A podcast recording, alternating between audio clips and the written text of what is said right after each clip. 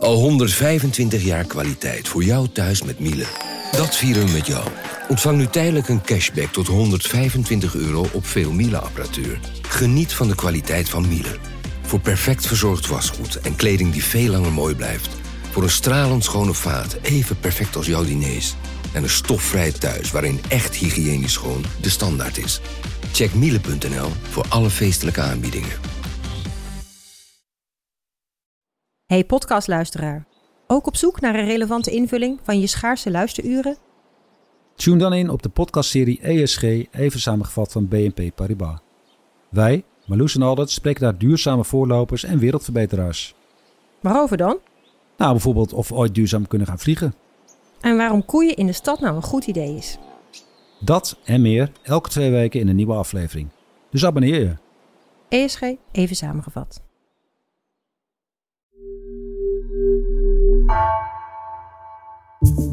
Vanaf de redactie van NRC het verhaal van vandaag. Mijn naam is Egbert Kalsen.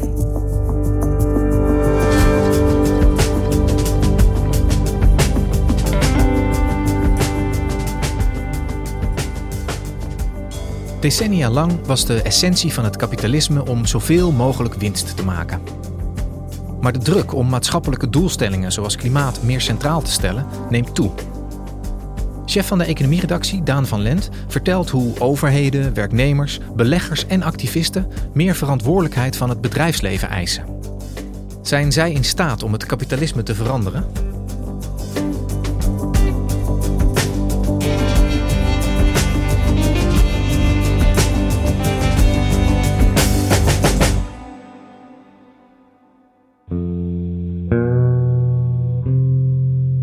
Toen ik uh, begin jaren 90 als economisch journalist begon, waren de tijden dat uh, Wall Street en de City enorm in opkomst waren en daar bakken met geld werd uh, verdiend door bankiers, beleggers. De markten waren vrijgegeven en bedrijven gingen enorm floreren. Het idee was kapitalisme is goed voor de samenleving.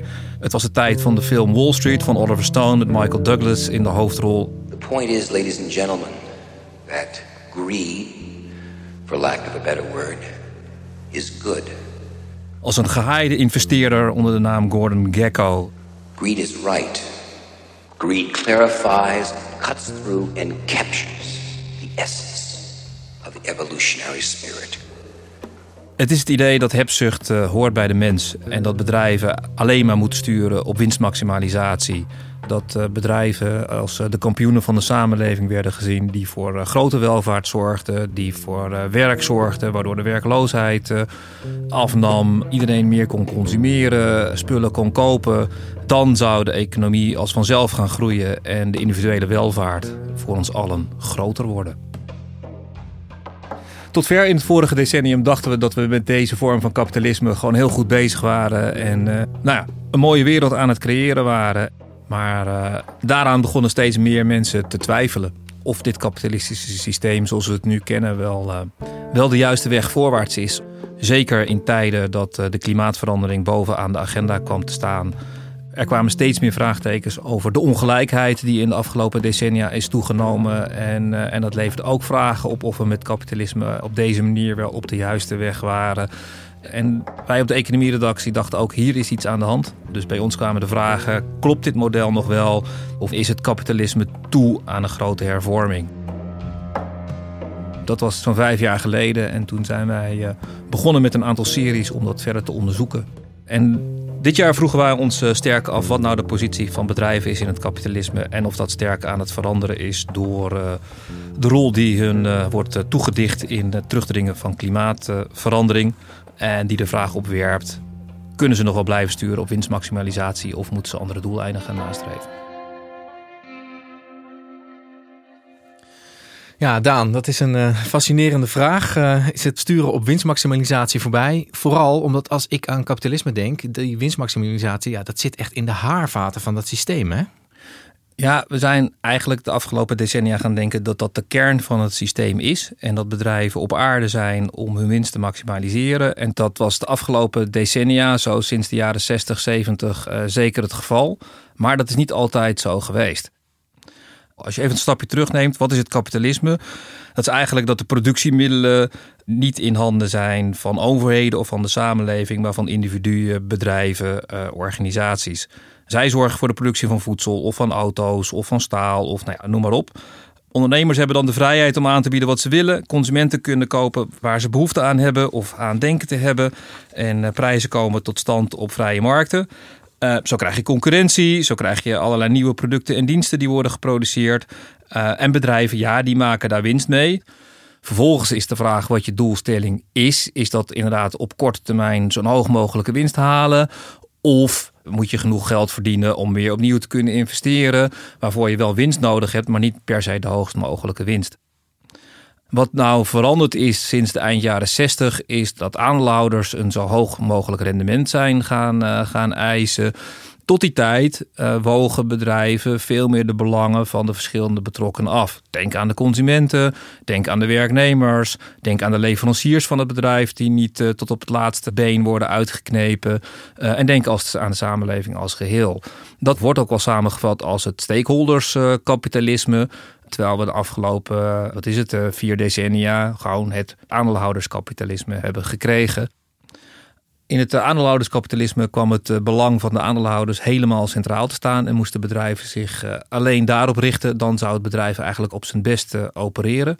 Dan gaan bedrijven zo efficiënt mogelijk produceren. Dan kunnen ze lage prijzen aan consumenten rekenen. En je krijgt een enorme groei daarvan en een vrijheid in de economie die niet gestuurd wordt. Maar wat je bij die aandeelhouders ondertussen zag, is dat hun, uh, hun connectie met het bedrijf steeds losser werd. Waar aandeelhouders in het verleden gewoon voor een hele lange periode in een bedrijf zaten, gingen ze nu gewoon steeds op zoek naar de bedrijven met de hoogste winsten, uh, waar ze het hoogste rendement op een belegging konden halen. En stapten ze met gemak over van het ene bedrijf naar het andere. Als bedrijven zich dan zo op die aandeelhouders gaan richten, dan krijg je dat ze de winst eruit knijpen op de korte termijn. En uh, dat winstmaximalisatie eh, centraal in het systeem van kapitalisme komt te staan. Echt een prikkel op de korte termijn, als ik jou goed beluister. Dat, dat verhoudt zich slecht, denk ik, tot langetermijn uitdagingen als bijvoorbeeld die klimaatverandering. Nou, dat is dan ingewikkeld. Want een investering om jouw CO2-uitstoot terug te brengen, dat betaalt zich hooguit op de lange termijn terug. Uh, heeft ook pas vaak op de langere termijn effect, maar niet al in de eerste twee, drie jaar. Ja. Laat staan in de volgende kwartalen. En, en de vraag die jullie gesteld hebben bij die serie over kapitalisme die jullie gemaakt hebben, is dat aandeelhouderskapitalisme, is dat nog wel houdbaar in een tijd dat dit soort grote vraagstukken eigenlijk ook boven komen drijven, hè? zoals klimaatverandering? Ja. Waar, waar zijn jullie op uitgekomen? Waar zijn jullie achtergekomen? Uh, 2015 was een belangrijk moment. Dat is het jaar van uh, het akkoord van Parijs. Goedenavond. Na twee weken onderhandelen is in Parijs het klimaatakkoord gesloten. L'accord de Paris pour le climat est accepté. The Paris Agreement establishes the enduring framework the world needs to solve the climate crisis. Waar de klimaatdoelstellingen wereldwijd zijn vastgelegd, die in eerste instantie natuurlijk door landen zijn afgesproken, maar die allerlei gevolgen hebben voor bedrijven. En die bedrijven hebben zich ook gecommitteerd aan het voldoen aan die doelstellingen. Dat betekent dat ze een bepaalde uitstoot van een CO2-reductie voor 2030 gerealiseerd moeten hebben. En dat ze in 2050 eigenlijk geen CO2 meer uitstoten. En de grote vraag is: het tempo waarin bedrijven nu opereren, gaan ze dat halen? En alles wijst erop dat we het daarmee niet gaan halen. En wat je dus ziet is dat allerlei partijen buiten de bedrijven zelf, ze proberen daar af te dwingen dat ze zich eh, aan het commitment ook gaan houden. En dat ze die doelstellingen na gaan streven en snel genoeg actie ondernemen en dus ook de juiste investeringen doen. En aan wat voor krachten moet ik dan denken? Wie zijn die partijen die die bedrijven aan het pushen zijn? Nou, de eerste partij waar je natuurlijk aan denkt is die overheden die die afspraken gemaakt hebben. Uh, die bekijken hoe ze te kunnen afdwingen dat hun bedrijven daaraan houden.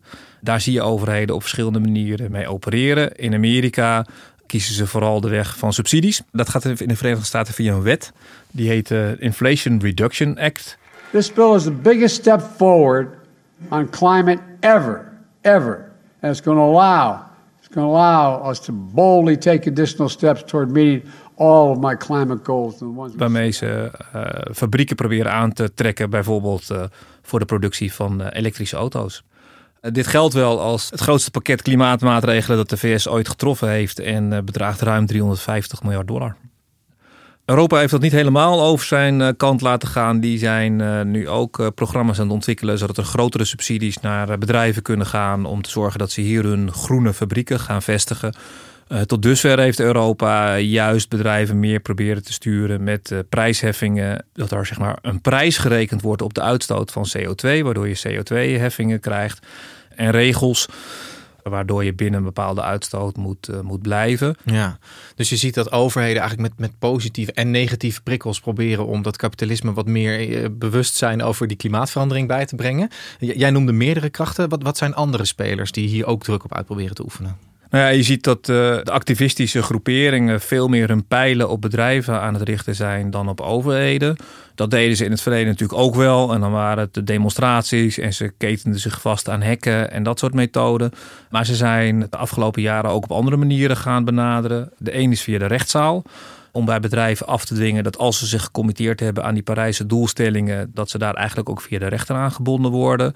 Het is de bekende zaak van Milieudefensie tegen Shell, die Milieudefensie tot verrassing van velen heeft gewonnen. De rechtbank beveelt RDS om via het concernbeleid van de Shell-groep de CO2-uitstoot van de Shell-groep eind 2030 terug te brengen met netto 45% ten opzichte van het niveau van 2019. En een andere weg die de activistische groeperingen kiezen is uh, zelf een aandeel kopen en actief worden op de aandeelhoudersvergaderingen.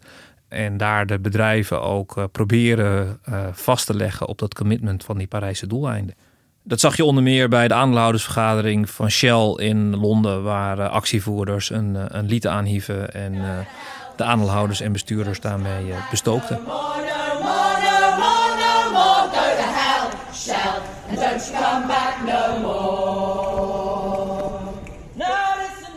En dan naast die activisten die een aandeel kopen, heb je ook gewoon uh, grotere bestaande aandeelhouders die zich meer gaan roeren. En die ook vinden dat andere doelstellingen dan alleen het hoogste rendement belangrijk worden. De duurzaamheidsdoelstellingen.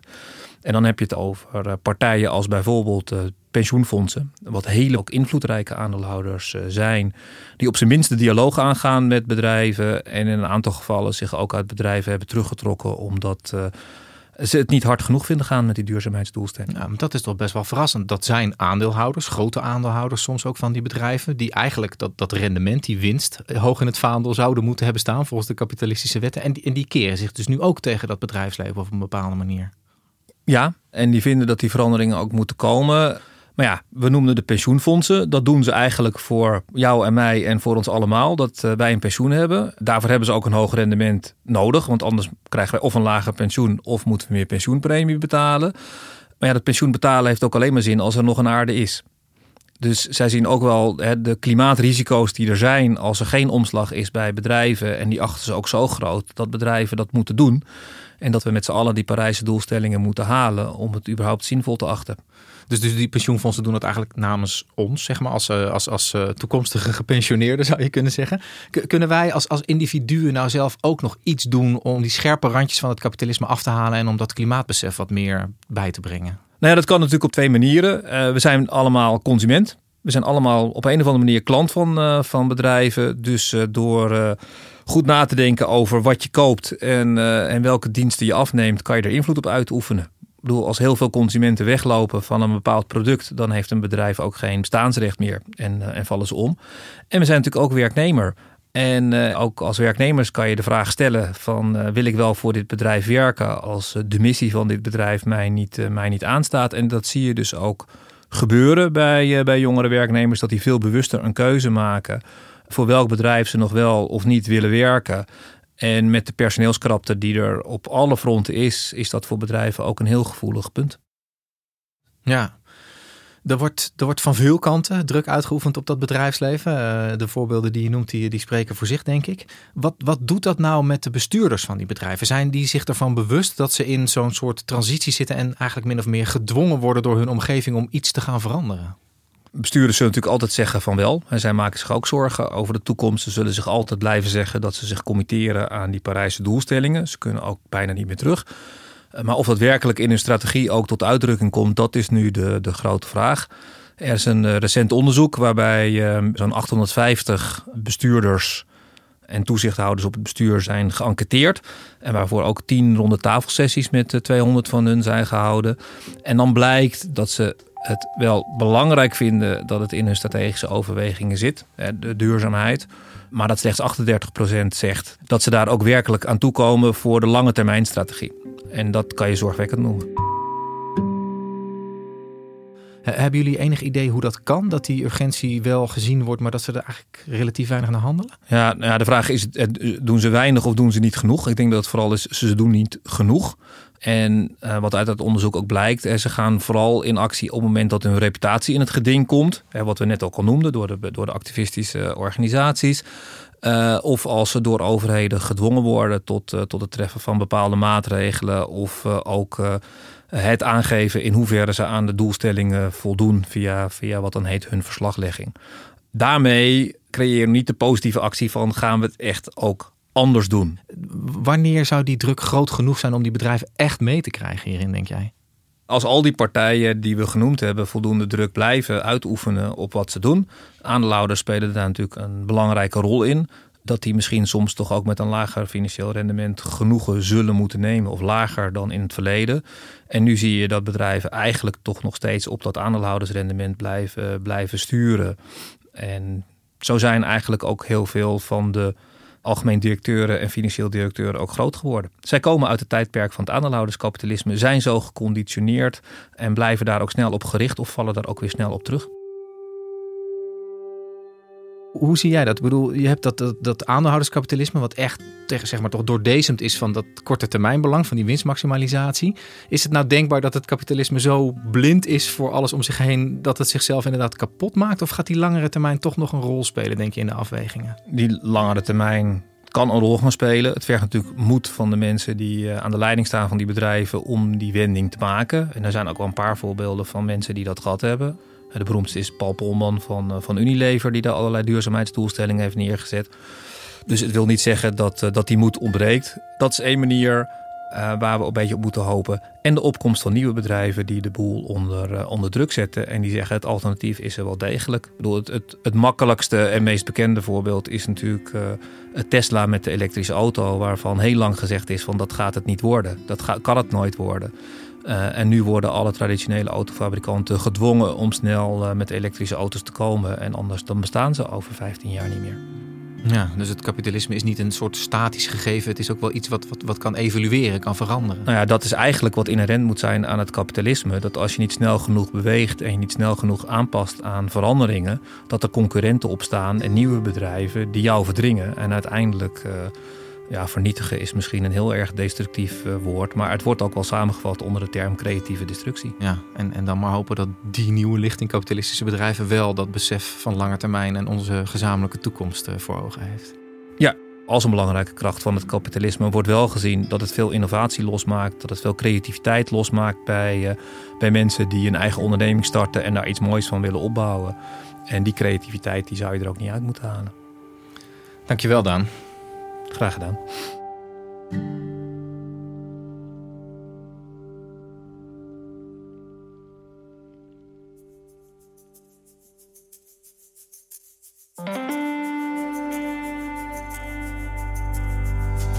Je luisterde naar vandaag, een podcast van NRC. Eén verhaal, elke dag.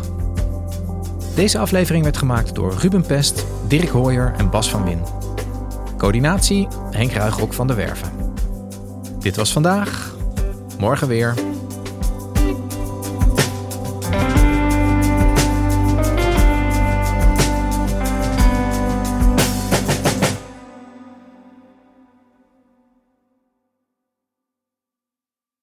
Technologie lijkt tegenwoordig het antwoord op iedere uitdaging.